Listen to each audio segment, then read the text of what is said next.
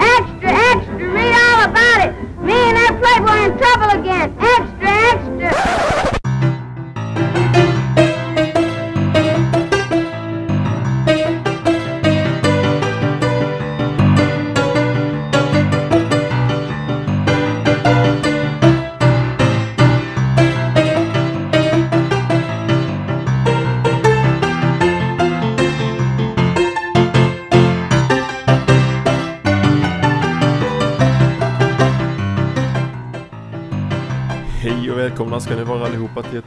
Avsnitt av podden En rolig historia.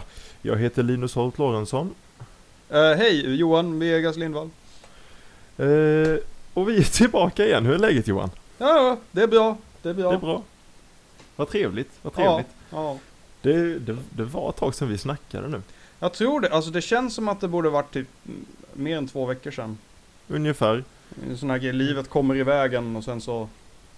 Ja, men lite så. Sen ja. är du väldigt... Jag, jag valde ut dagens... ehm, jag har valt ut dagens ämne och jag har gjort det bara lite som en väldigt stor pik till dig Johan. Yeah. Därför att jag vill prata lite om långdistanskommunikation. och eh, hur fantastiskt det är att leva idag där vi kan höra av oss till varandra hela tiden. Mm. Och, och hur tragiskt det har varit att det inte alltid har varit så. Ja, ja. Och det är bara en liten pik till hur omöjligt det är att få tag på dig Alltså, den så, mesta av tiden. ja, som du kanske anar så har jag vissa relativt starka åsikter om det här ämnet. Men det blir säkert jättebra. Det är det som gör mig så intresserad och peppad på det här ämnet. Det kan bli spännande. Men, det kan också sluta med att vi aldrig pratar igen. Men vi får se. Det kan det vara, men den risken finns i alla våra konversationer. Generellt sett ja. Eh, men eh, vi kallar ju oss eh, ändå en historiepodcast, så vi, lite historia om det här. Hur länge har man kunnat pr- prata med varandra utan att kunna höra varandra? Tänker jag är en definition på långdistanskommunikation.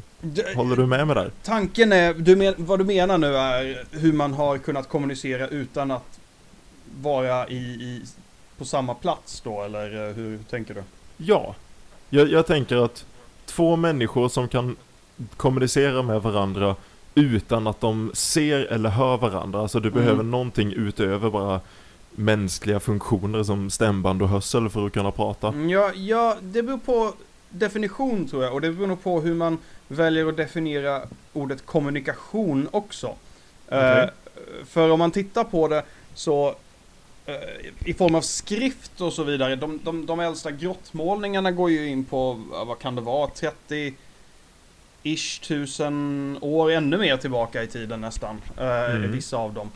Och det, det, det är inte så fruktansvärt mycket kanske till kommunikation, det är mest händer och kanske en bild på ett djur eller vad som helst.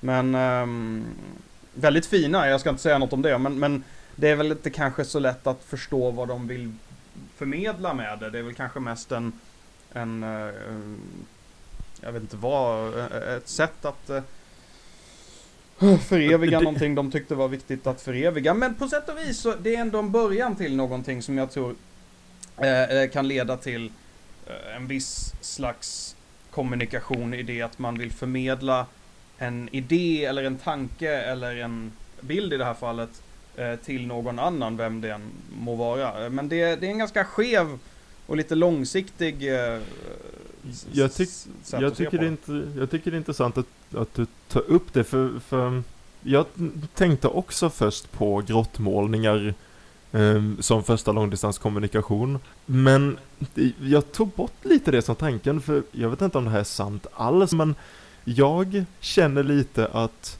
eh, många grottmålningar kanske snarare var ett sätt att kommunicera med en senare värld, ett sätt att, att bevara någonting som har hänt lite som en dagbok snarare än att få iväg ett meddelande. Ja, För det, det en grottmålning inte gör som ett modernt mail gör är ju att den, den förflyttar sig ju inte. nej, eh, det, det gör den inte. Det är lite som att skriva ner ett meddelande på ett papper och sen lämna pappret där och hoppas att någon annan går förbi. Så det Eh, känner jag lite så. Dock så vill jag ju påstå att en, en lång, lång, lång tid i mänsklig historia har ju det varit hur man har kommunicerat på långa vägar så att säga. Eh, Om man inte tänker så här, för det, det, man kan ju även skicka sig sändebud motsvarande säkert. Det är sant och det Eh, har det jag jag hittat inte. flera, det har jag hittat flera eh, organiserade exempel på hur man har gjort i historien.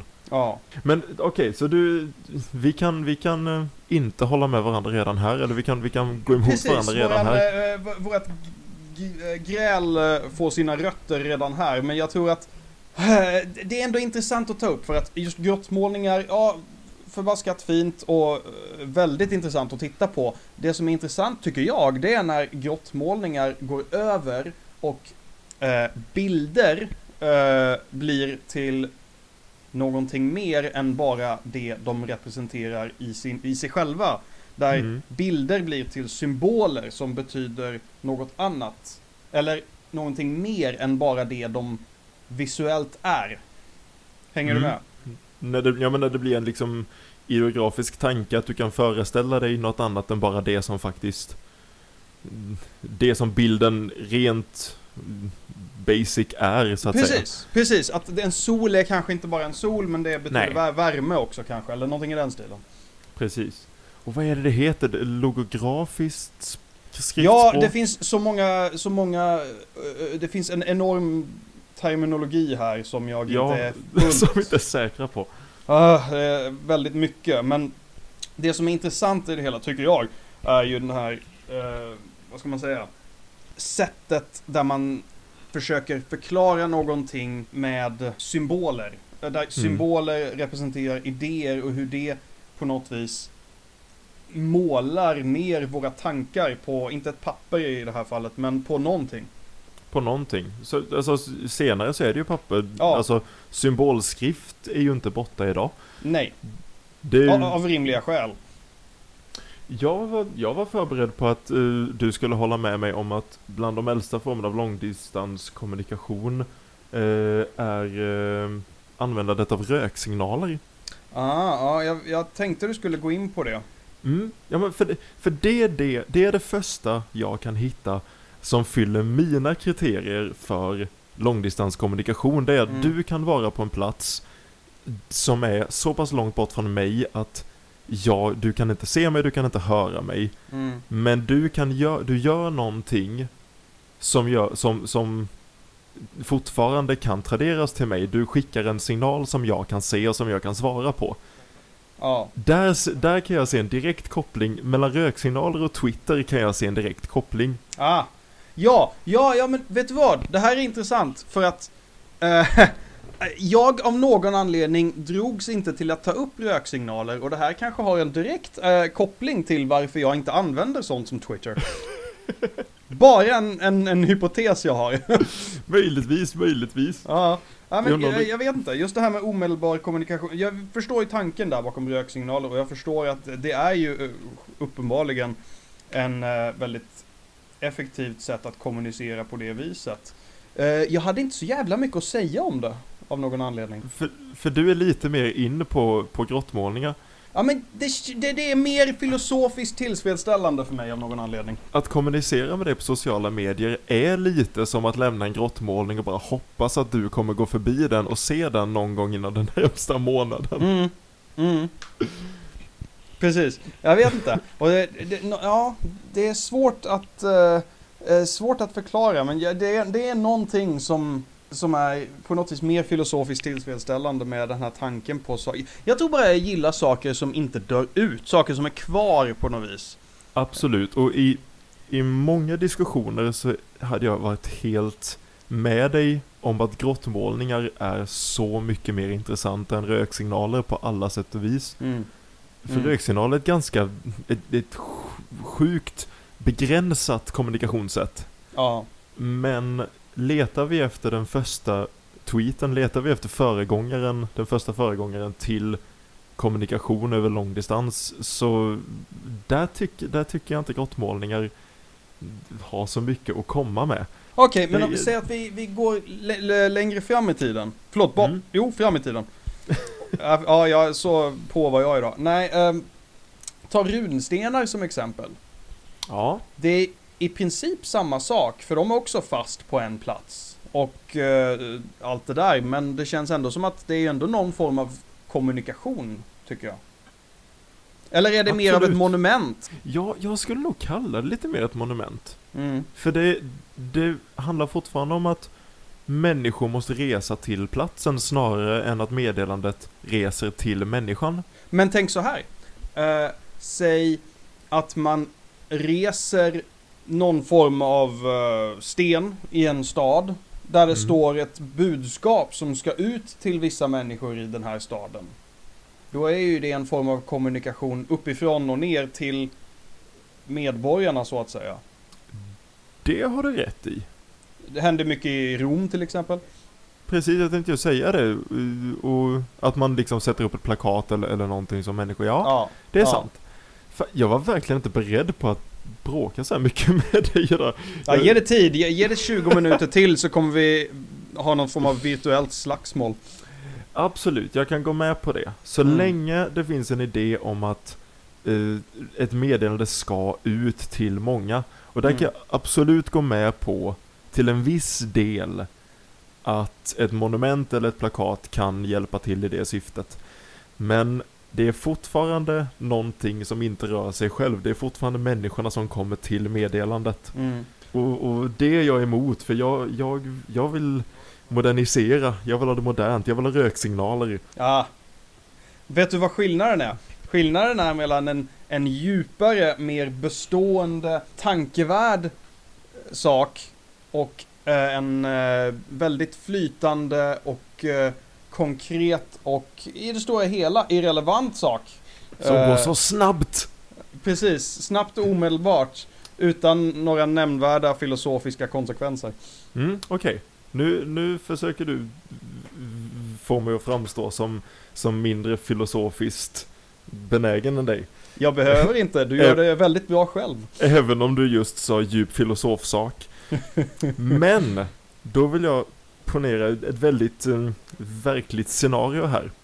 Tänk dig Ja. att du är en vakt. Du är en vakt i Kina, Mm. på den kinesiska muren.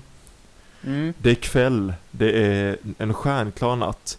Du blickar ut över horisonten och du ser hur en stor armé av mongoler håller på att attackera eh, den kinesiska muren. Och, och du har bara minuter på dig att not notifiera eh, den kinesiska armén. Så du plockar fram din sten Mm. och du, och du börjar hugga ett meddelande. och, och, och när du är färdig så har de börjat klättrat upp och då, och då sätter du stenen där och så, så hoppas du att någon ska komma och, och titta på din fina lilla sten. Och Mm. se vad det... Okej, jag är fullt... eller så kan du tända en eld, skicka upp en röksignal som någon hundra meter bort ser, som skickar en egen röksignal och så på bara någon timme så har du notifierat, så har du ett meddelande som rör sig 10 mil. Mm, Okej. Jag är med på att den här inristade stenen inte hjälper den här kinesen här och nu. Det, det köper jag.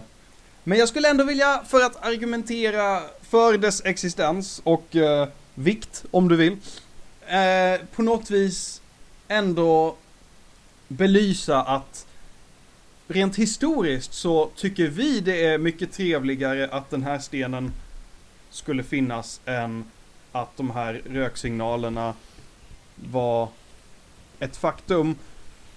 För att, hur ska jag förklara det här? Jag, jag har tappat bort mig själv helt. Jag, jag har försvunnit bort i mina tankar. Eh, ja, men poängen är att stenen är, är, är viktig och det, det, den säger något om vad som händer för oss i framtiden. Medan röksignalerna är eh, en, ett tillfälligt medel eh, För att- som är, ja alltså ja självklart, man hade röksignaler, det var ju praktiskt och eh, det, det är ju så det var, det, det, det är självklart. Men det, det var så det var. Man, eh, man hade ju även, säg trummor och, och diverse ljudsignaler och så vidare för att eh, Precis. Framförallt i krig och, och sådana situationer. Jag föreslår en vapenvila Mm. ehm, för att vi ska kunna komma vidare. Jag föreslår att vi eh, kompromissar och säger att röksignaler vara en, en effektiv, tidig, långdistanskommunikation Mm. och dina vackra stenar är långtidskommunikation. Kommunikation Ja, över lång vi, tid. Så kan vi säga. Eh, och det, det är just det här som är, tror jag, problemet för att just ämnet kommunikation överlag är extremt stort. O- Otroligt stort. på gott och ont. Så det är väldigt mycket att diskutera och det är väldigt mycket som är, ja, kan leda till definitionsmässiga svårigheter. Men eh, det är ett kul ämne. Vad är det stora problemet med mina älskade röksignaler? Menar du rent konkret? Rent konkret. Och jag har ett Eh, svar. Ja. Du har säkerligen ett svar. Eh, Jag vet inte om jag är intelligent nog att tänka ut exakt vad det är, men låt mig Det- göra ett försök. Ehm, je- Det, de, det är inte säkert att man ser dem. Vinden borde ju vara ett jävla problem. Sant. Det hade inte jag tänkt på. Ja, men, eh, Ja, om det är väder, väder... eller regn för den delen. Ja, Väder överlag, säger vi. sant. Väder är problem. Mm. Jag, jag tänker också att ett stort problem är att det är svårt att nyansera meddelandet. Ah. Vadå, har du aldrig sett Sagan om ringen? Referens till Gandalfs pipa där om ni undrar. Jo, absolut om du är en trollkarl, men också en referens till Sagan om ringen när de tänder eldarna för att de blir attackerade. Jaha, jaha. Så, eh, jag hade velat se den scenen i spöregn. Det hade jag velat. När det verkligen är riktigt, riktigt vidrigt väder. För jag har försökt tända eldar i, i, i, i äckligt regn och tro mig, det är inte enkelt. Nej, så jag hade velat se den scenen när de verkligen kämpar och bara Det här kommer aldrig gå! Fan! Men, äv, men även när det går så är det väldigt tydligt såklart, och det är jättebra, det är väldigt tydligt vad de menar. Men det är också problemet med röksignaler, för troligtvis så har det alltid bara funnits ett meddelande Ja. som man har fått ut. Troligt, alltså i de flesta fall har ju en röksignal betytt vi blir attackerade eller det är krig eller Ja, precis. Ja, ja, Någonting har gått på röven liksom. Ja, så där har vi ett problem som vi fortfarande måste lösa i historien. Hur skickar man meddelanden där du kan välja vad du vill säga? Eh, där tror jag även vi kommer in lite på det jag pratade om innan med ljudsignaler. Det når kanske inte riktigt lika långt, men eh, trummor, trumpeter, sådana saker. Det är kanske lite mer modernt, men, men trummor har ju varit eh, ganska länge eh, ett sätt att kommunicera på. Då, framförallt kanske på slagfält och, och sånt. Det är sant. Även visuella medel, säg flaggor, sådana saker. Mm.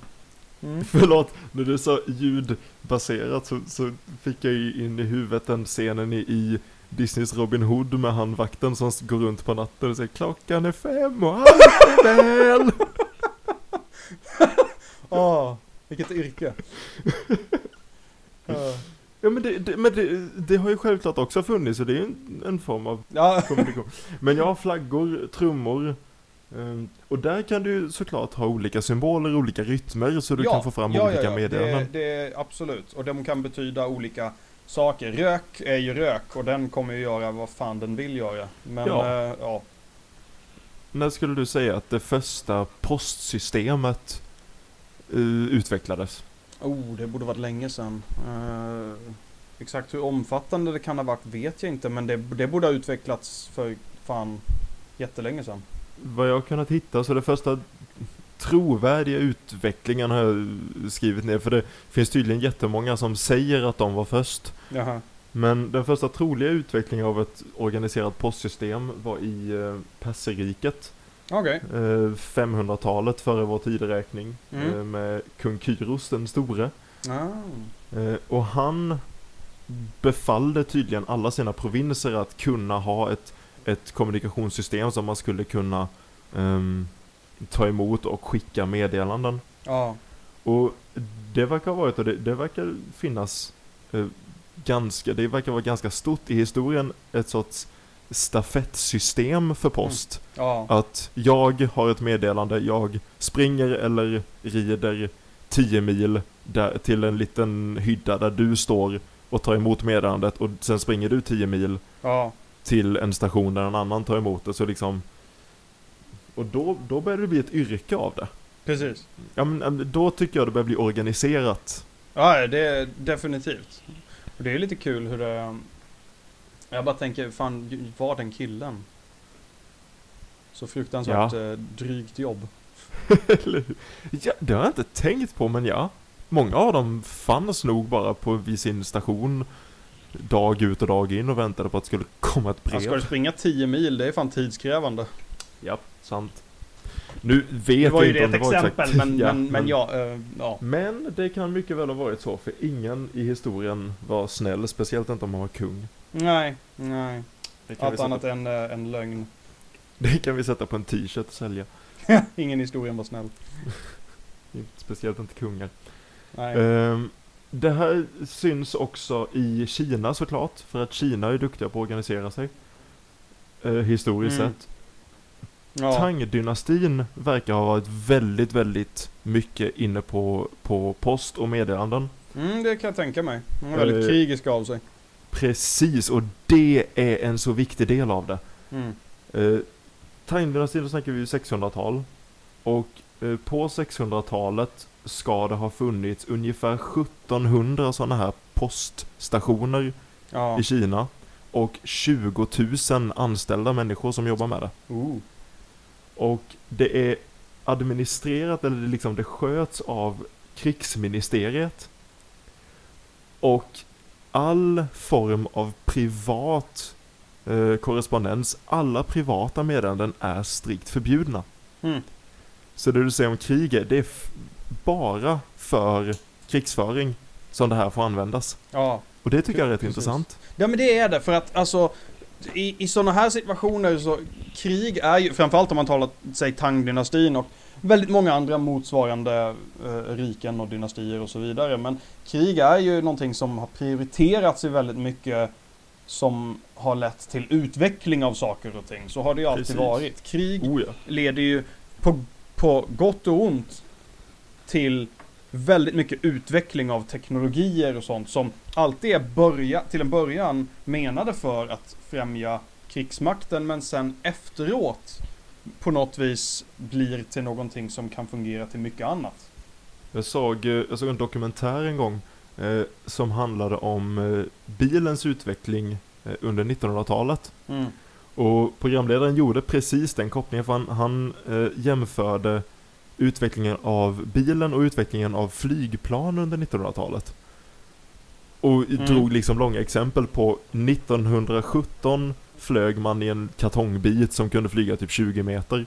Ja, Och 100 år senare hade vi jetflygplan som krossade ljudbarriären. precis. Medan på 100 år så har vi inte gjort någon förändring egentligen med bilen. Alltså en motor i en bil fungerar på samma sätt idag som den gjorde för 100 år sedan. Ja, Och hans argument där var just att flygplan kan användas i krig.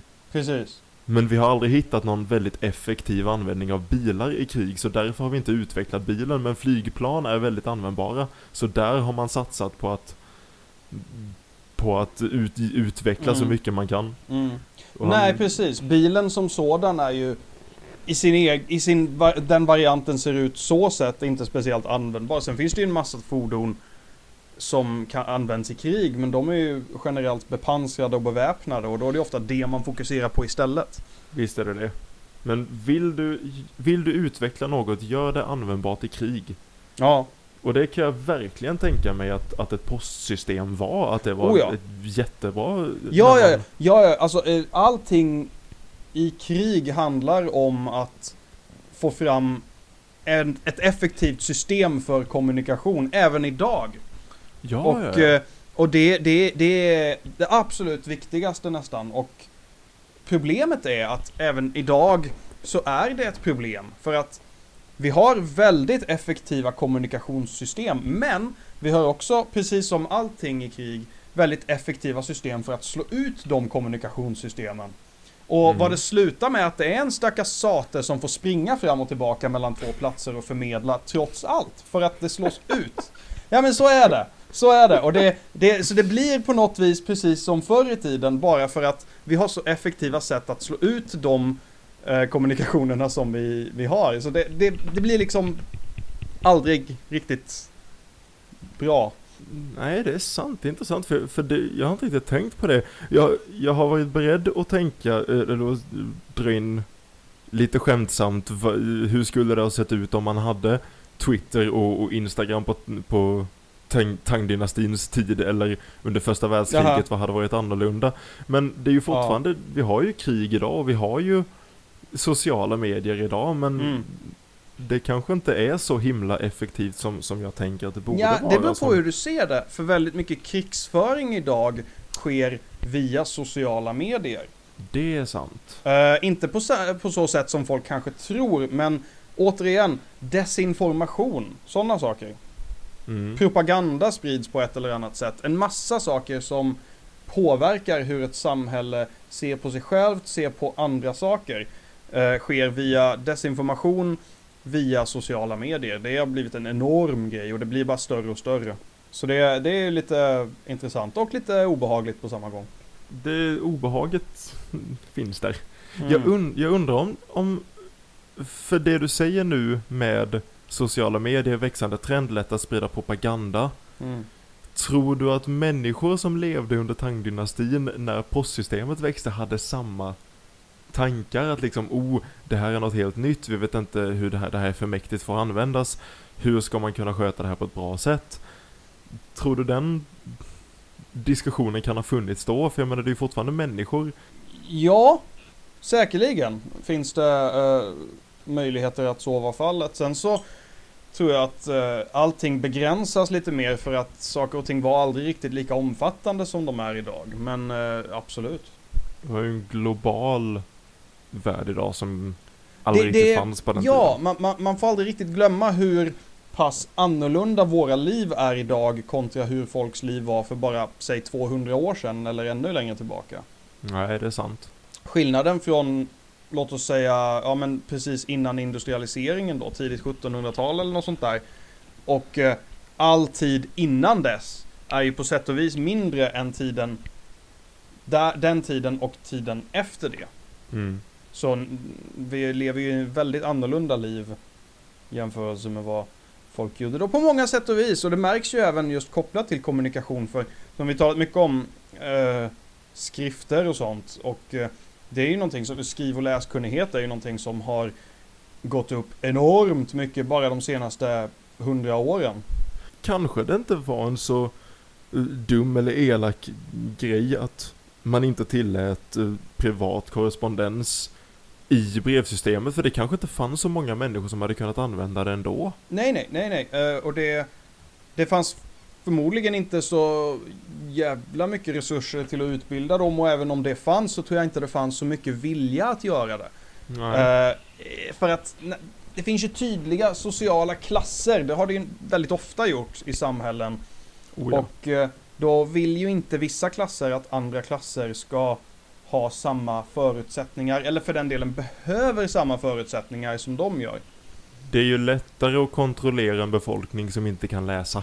Ja, mycket lättare. Det är ju, det är ju ett jätteeffektivt sätt att göra det på. Om du inte, om de inte vet om vad som händer med dem, då kommer de ju ganska automatiskt ha eh, mycket, mycket svårare att säga något om det. Ja. Eh, Och det är ganska självklart. Se bara på Nordkorea till exempel. Jag menar, ja det är folk som flyr och hit och dit, men de har ju en sån enorm brist på information. Jag menar, de har ju knappt tillgång till internet i Nordkorea. De har ju sin egen lilla grej. Vissa har ju tillgång, men det är mest i officiella syften och det är väldigt begränsat även där. Så eh, bara titta på Kina. Kina begränsar också och censurerar eh, internet till en viss del och eh, ja, det, är en konsekvens av att en större makt vill begränsa majoritetens informationsflöde i syftet att förtrycka dem. Även om de Absolut. tror att det är för deras eget bästa så är det fortfarande förtryck. Absolut, men bara för att fortsätta bråka skulle, skulle jag då säga. Titta på mm, Sverige, titta på USA där vi har mm, mer eller mindre fri tillgång till internet och vi, vi får använda det hur vi vill. Mm. Och hur farligt det kan vara att ha full tillgång till den eviga världen av information också. För då ligger Ja! det på mitt ansvar att sålla vad som är rätt och fel och helt plötsligt så försvinner faktan och allt är bara åsikter. Precis. Och då måste jag helt plötsligt vara både kommunikationskunnig, jag måste vara eh, vetenskapsman för att kunna veta vad som är sant, vad som inte är sant. Ja, ja, ja. Du som konsument av den här informationen har ju ett outtalat ansvar att sålla och vara källkritisk. Problemet är ju Ja. att, och det här vet ju du bättre än de flesta, att det är inte någonting som lärs ut alls så mycket som det borde i skolan. Absolut inte. Och det, det, om det är någonting skolan borde lära ut idag så är det ju källkritik. Och att, att, vara, att förhå- förhålla sig källkritiskt till precis allting. Och det är svårt att lära ut för att det ändras så... Det ändras fortfarande ständigt. Mm. Källkritik när du och jag gick i skolan var inte samma sak som källkritik är idag. Nej. För idag ligger allt i dina händer. Mm. Och du ska lära dig allt. Jag, jag vill inte skjuta mig, mig själv i foten för jag älskar teknologi. Jag är verkligen... Jag, det är det bästa som finns. Men Mm. jag vill...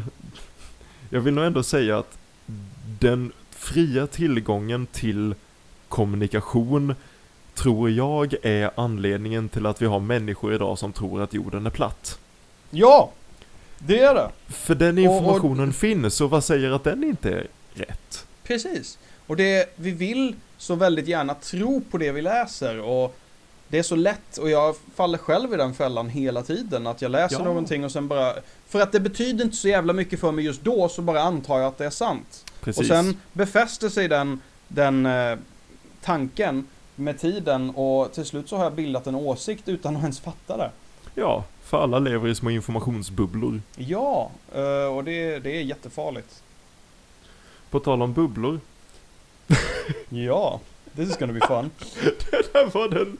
Oh, förlåt, men jag insåg när jag sa det att det var den sämsta segway-övergången någonsin. Jag skulle säga att det var den bästa, men ah, ja, fine, to each his own. Det... Jag vill prata om ballonger. Ah, Okej. Nej, det...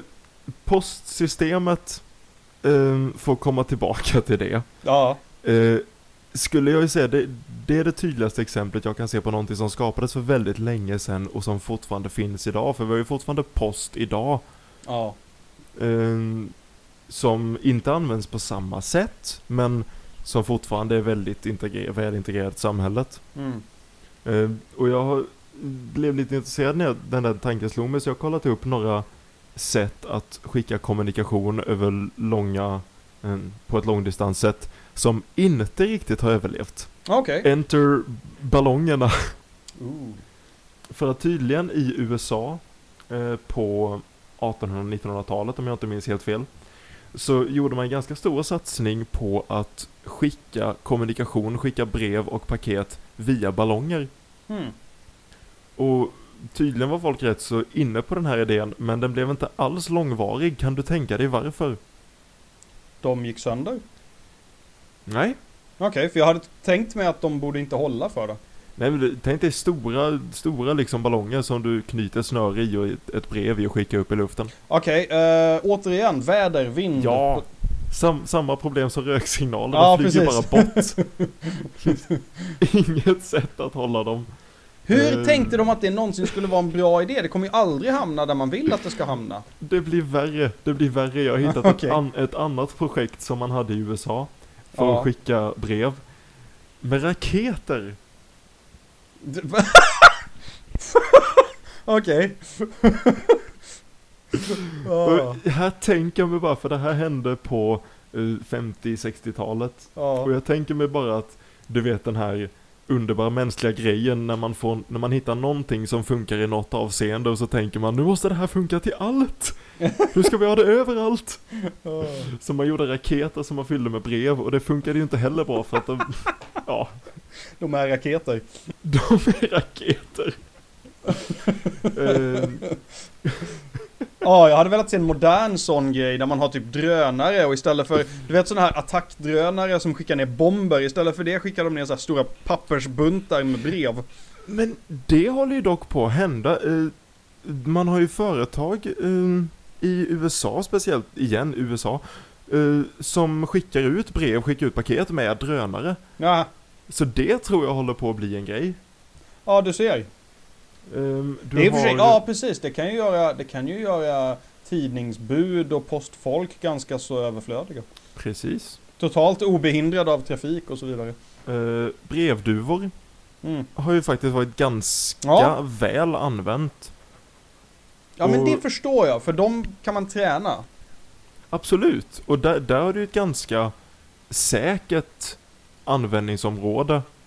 Eh, Som jag förstår det så, så tränar du en duva att, veta var den bor och var den än befinner sig på jorden så kan den lokalisera var den bor så den kan alltid Mm. flyga hem. Ja. Eh, Är så jag har förstått. Det är som att det fungerar så är det helt fel så, så, så hör gärna av er och berättar för mig att det är helt fel. Jag, jag vill veta hur fan man får dem att hitta till den platsen de ska. Därför att fåglars hjärnor är magiska. Ja, bevisligen. ja. Eh, Nej men det funkade ju uppenbarligen så. Jag skulle inte tro att det är helt utdött. Det finns nog eh, platser och, och sammanhang där man använder brevduvor än idag, men jag tror inte det är Säkerligen. inget stort Det är nog, det är nog jag, jag kan tänka mig att det är med en tvåvägskommunikation liksom. De, de flyger Mm. kanske mellan två platser eller någonting sånt. Sant, sant. Eh, ett sätt att skicka kommunikation som, det, det här blev jag ganska kär i, eh, pneumatiska tuber, Mm. vilket är ett fint sätt att säga tryck, tryckluftsrör, Oh. blev ganska stort, eh, speciellt, spoiler, i USA. Mm. På sent 1800-tal, tidigt 1900-tal. Eh, och där har du, jag tror nog du kan tänka dig att du har sett eh, bil- gamla bilder på det här, eller till och med om du eller någon av eh, er kära lyssnare har sett, jag kommer inte ihåg vilken film, men det är en av Jönssonligan-filmerna. Mm. När de ska stjäla, oh är det när de ska stjäla pengar på Ikea? I alla fall, de, har pengar som de stoppar in i ett rör, eh, eller i en liten tub som de sätter i ett rör och sen bara försvinner den. Mm. Och det var tydligen väldigt vanligt använt i typ, eh, mest i kontorsbyggnader men även genom hela städer. Ja. Att du hade små, små plaströr som du la ett meddelande i. Och så hade du liksom, tänk dig en vägg med rör med olika destinationer. Så sätter du in plasttuben i röret och så flyger den iväg med tryckluftskraft till en Mm. destination. Och Ha. det får mig att känna, det får mig att tänka lite på du vet eh, sådana här målningar över hur man i slutet på 1800-talet trodde att världen skulle se ut om 100 år.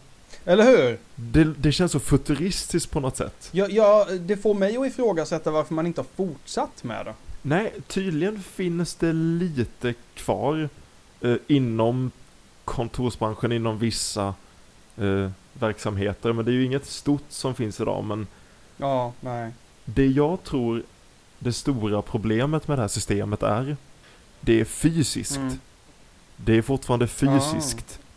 Och jag tror att många av de här systemen har, har hamnat i bakkant just efter att världen blev digital. Ja, det har du nog helt rätt i. Du, du, det här är ju, kan ju faktiskt vara ett ganska effektivt system, men det är ju fortfarande lättare att skicka ett mail. Det är det. Det är det. Jag tänker bara främst att det hade varit bra för att det är så jag vill ha mina varor från ICA. jag menar, det är mycket roligare att få det i en tub än att någon kommer hem till dig. Då måste jag ju prata med någon. Sant. Åh, vad underbart. Tänk dig det att bara knappa in en order från ICA och så har du ett rör som liksom skjuter ut dina varor in i det öppna kylskåpet. Eller bara att du är sugen på en pizza.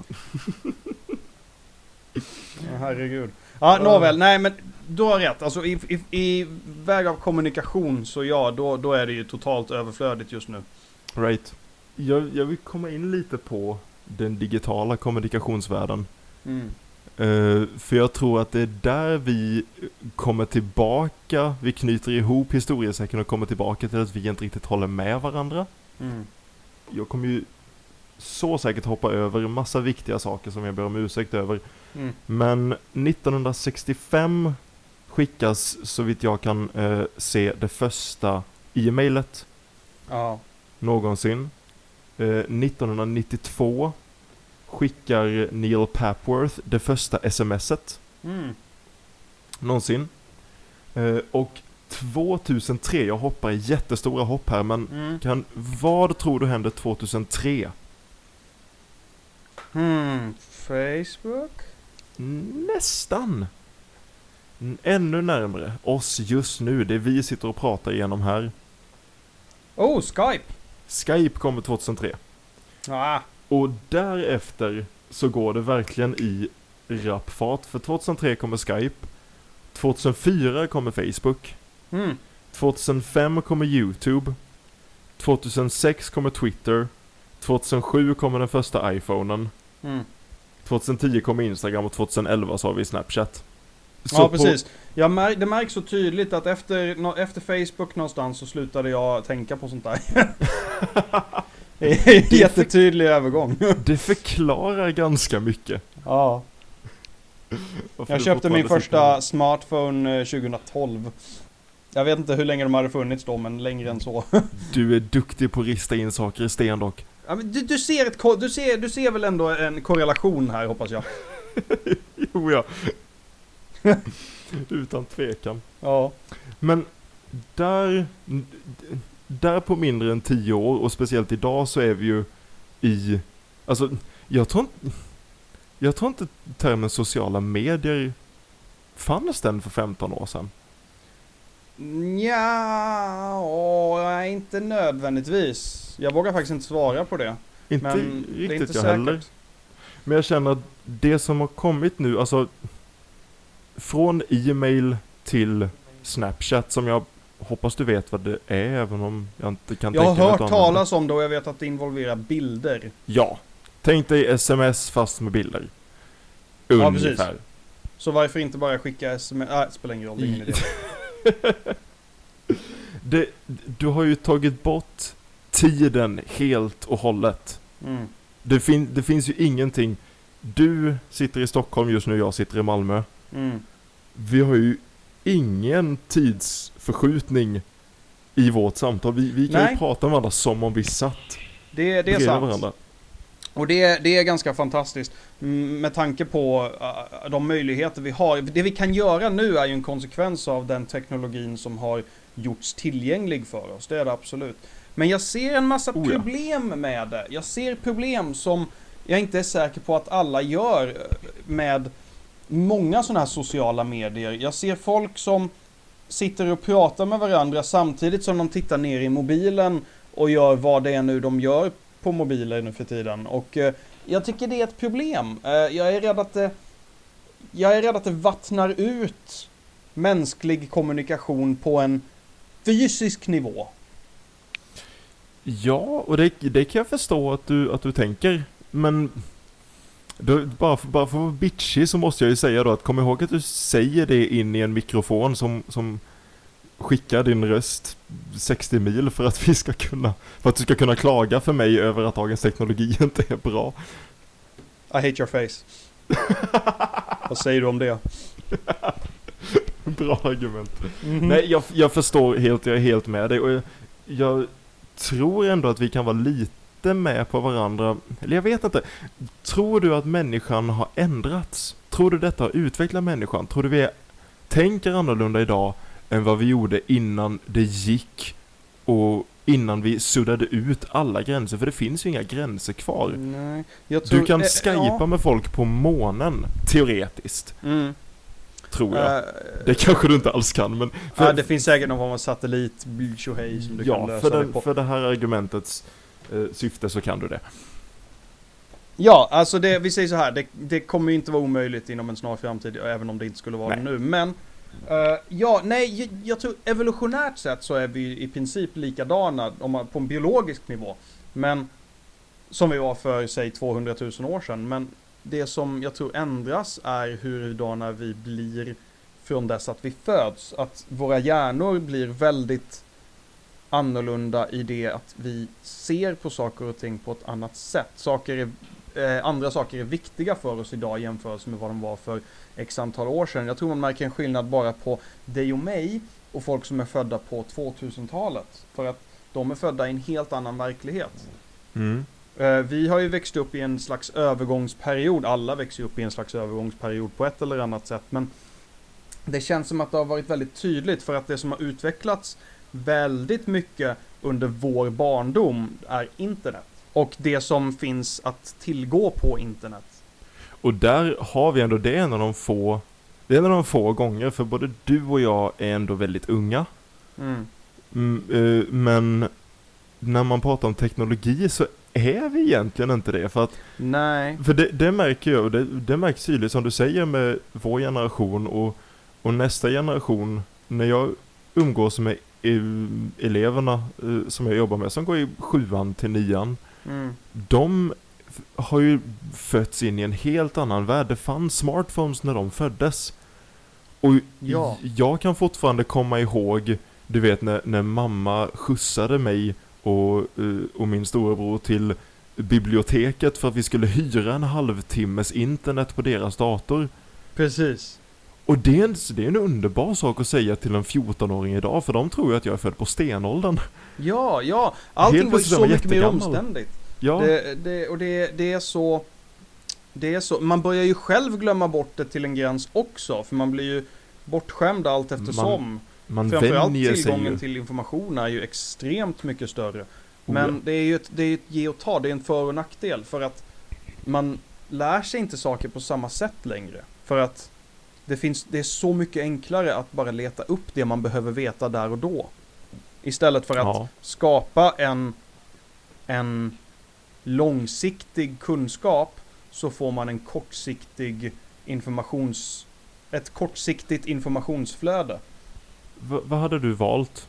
Eh, för, att, för att avsluta lite, du som är en sån eh, aktiv och, och eh, brinnande motståndare till modern teknologi. Mm. Vad hade du... så nästan spricker, men ja. vilket liv tror du är teoretiskt sett det bättre livet? Det vi lever idag eller det man levde just i den här aspekten, det man levde i, i Kina för 3000 år sedan där du inte, där du inte hade möjligheten eller i USA för 200 år sedan där du kunde skicka ett brev men svaret kom tidigast om en månad och du visste det och det var verkligheten. ja. Vilket tror du är det, det finaste livet att leva? Är vi för stressade idag? Jag, jag, jag, jag, jag kan inte säga att det är varken finare eller mindre fint. Man är, man är fruktansvärt naiv om man tror att vi inte har det extremt mycket bättre idag. Framförallt du och jag som trots allt lever i Sverige.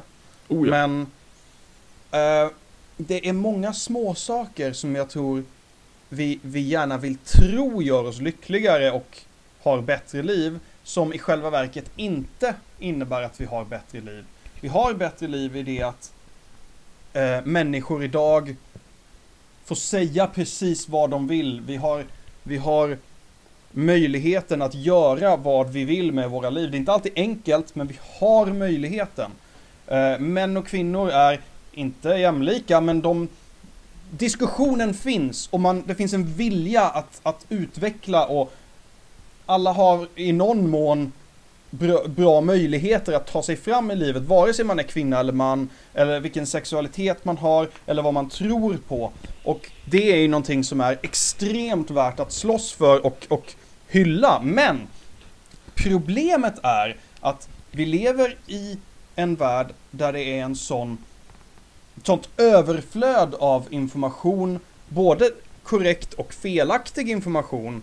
Och jag är rädd att det leder till ett, ett, ett slags virtuellt liv där man glömmer bort det som faktiskt gör oss till människor. Att, att vi på något vis vi blir av med en del av oss själva som vi hade förut.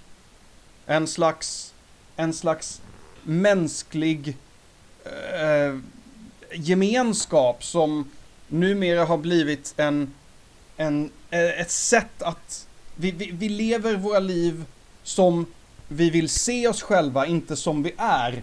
Vi, vi, vi presenterar bilder av oss själva, vi, vi presenterar det vi vill att andra ska se. Vi, vi pratar med folk som vi anser får oss att bli bättre och se bättre ut, men vi vet inte vilka vi är. Vi vet inte vad vi liksom ska göra med våra liv. Eller någonting sånt. Det finns ingen, ingenting är konsekvent. Ingenting är, ingenting är verkligt på samma sätt som jag tror det var en gång i tiden. Men uh, ge och ta. Det är så svår diskussion. Jag tror, jag tror jag räknade 14 odödliga citat i det utläggandet. I don't think so.